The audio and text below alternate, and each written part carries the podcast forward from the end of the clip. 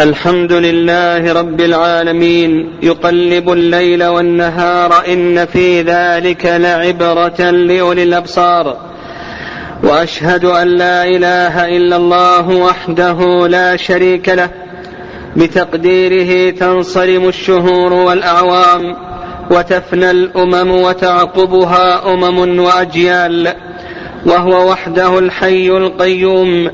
كل شيء هالك إلا وجهه. وأشهد أن محمدا عبده ورسوله. كان عمره قصيرا ولكن حياته كانت مليئة بالجهاد والدعوة والعلم والعمل والبر والإحسان وكريم الخصال والأخلاق. اللهم صل وسلم عليه وعلى سائر الأنبياء والمرسلين. وارض اللهم عن الصحابة أجمعين والتابعين ومن تبعهم بإحسان بإحسان إلى يوم الدين. وسلم تسليما كثيرا. يا أيها الذين آمنوا اتقوا الله وكونوا مع الصادقين.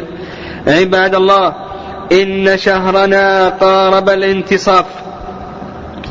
فقف يا عبد الله مع نفسك وقفة صادقة. وتأمل في الدنيا وقصرها وما في الآخرة من نعيم أو جحيم يطول أمده ويشتد الفرح أو الحزن له.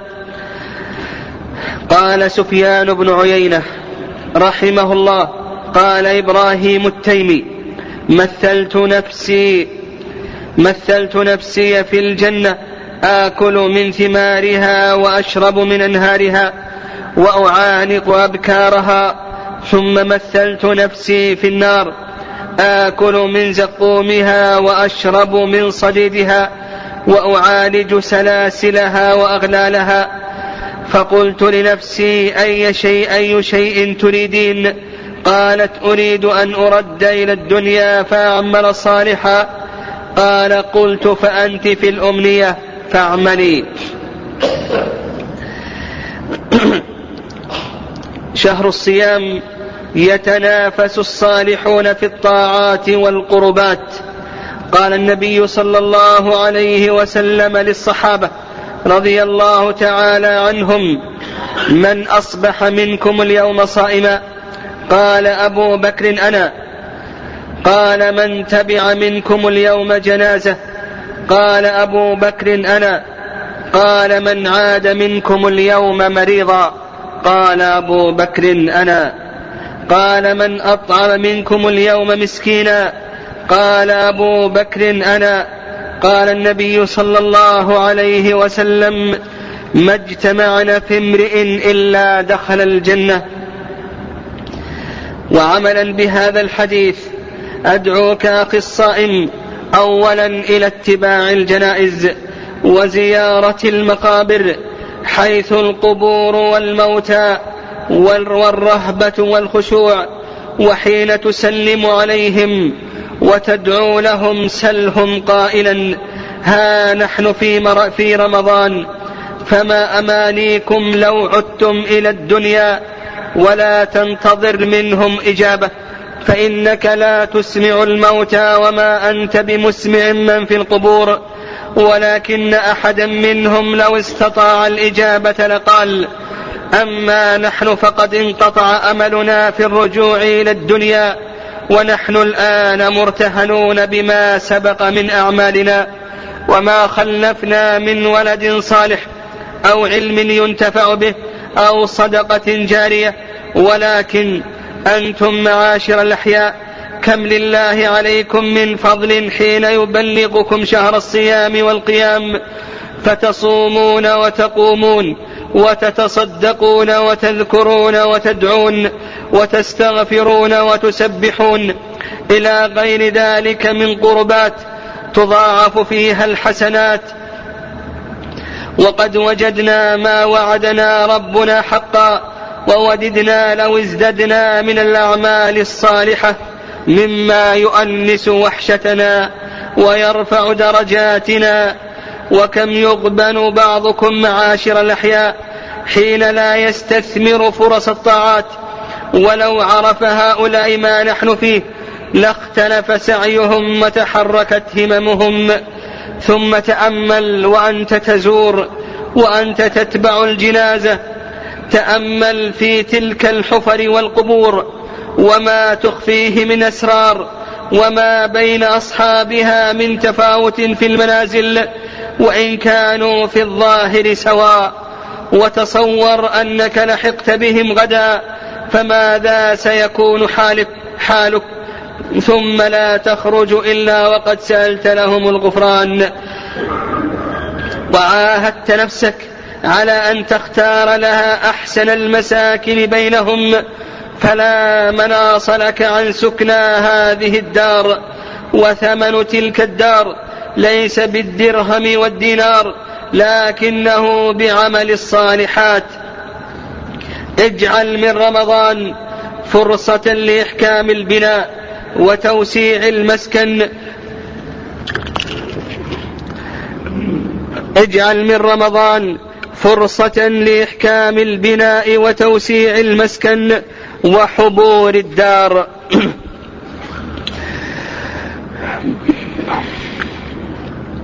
وقال النبي صلى الله عليه وسلم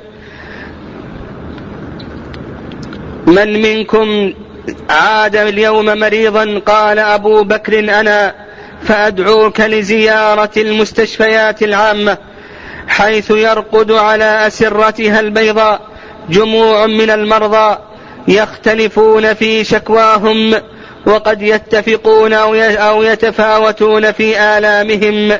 لكن أحدا من هؤلاء المعنيين بالزيارة لا يستطيع الخروج على الأقل في شهر رمضان. سلهم عن مشاعرهم في شهر رمضان. ولا تستغرب إن أجابتك العيون بالدموع قبل الألسنة بالكلام. اسفا على عدم قدرتهم على الصيام ومشاركتهم لإخوانهم المسلمين في القيام. وحين لا وحين ذلك لا تنسى هؤلاء من دعوة بالشفاء العاجل وتعظيم الأجر على المرض والبلوى.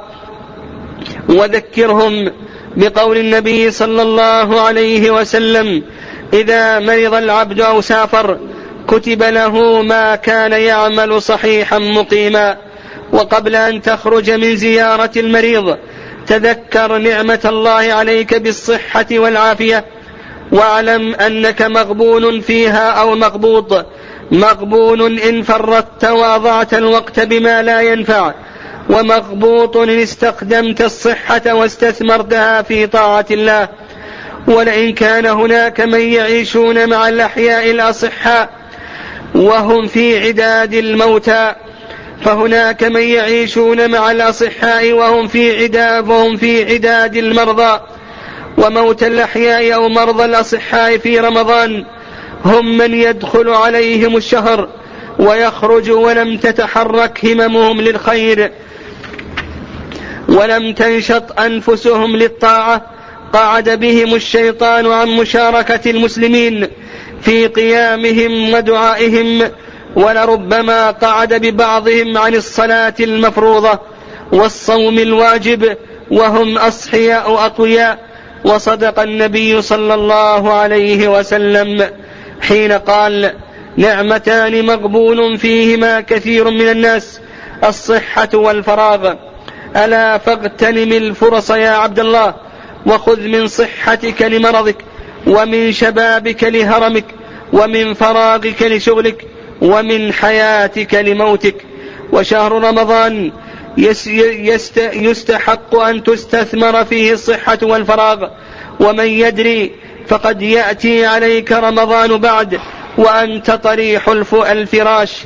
تتمنى لو كنت صحيحا معافى فها أنت كذلك فما أنت صانع. قال النبي صلى الله عليه وسلم أيكم أطعم اليوم مسكينا؟ قال أبو بكر أنا. ونحن نصوم. علينا أن نحقق هذه السنة. إطعام المساكين. والصدقة عليهم. علينا أن نتذكر إخواننا في الداخل والخارج. نتذكر إخوانا لنا في خارج البلاد وما يلحقهم من ظلم وفقر وفاقة وعجز فنبادر إلى مواساتهم بتفريج كربتهم وإزالة عسرتهم. فقراء وأيتام فقراء وأيتام لا مورد لهم ونساء لا عائل لهن أكل الفقر لحومهم وشرب دماءهم فبادر بإعانتهم وإغاثتهم عن طريق الجمعيات الخيرية والمؤسسات الإغاثية التي توجد في بلادنا ولله الحمد. أدركهم بصدقة أدركهم بصدقة قد تنقذ بها نفسا وبدعوة صادقة قد تفرج بها هما. عد إلى نفسك وأنت آمن في سربك ومعافى في, بل في بلدك وبدنك. وقل يا نفس ها نحن في شهر الصيام فكوني في قائمة المسارعين إلى الخيرات والمسابقين لصنوف الطاعات. وسر ربك العافية وفي حندس الظلام وأنت تسجد لله. سل إخوانك المسلمين الخلاص من المحن. والنصر, والنصر على الأعداء فرمضان شهر الدعاء كما هو شهر المواساة والصدقات. شهر رمضان الذي أنزل فيه القرآن هدى للناس وبينات من الهدى والفرقان. فمن شهد منكم الشهر فليصم ومن كان مريضا أو على سفر فعدة من أيام أخر. يريد الله بكم اليسر ولا يريد بكم العسر. ولتكملوا العدة ولتكبروا الله على ما هداكم ولعلكم تشكرون. أقول ما سمعتم وأستغفر الله لي ولكم من كل ذنب فاستغفروه إنه هو الغفور الرحيم. الحمد لله الذي خلق الموت والحياة ليبلوكم أيكم أحسن عملا. وأشهد أن لا إله إلا الله وحده لا شريك له.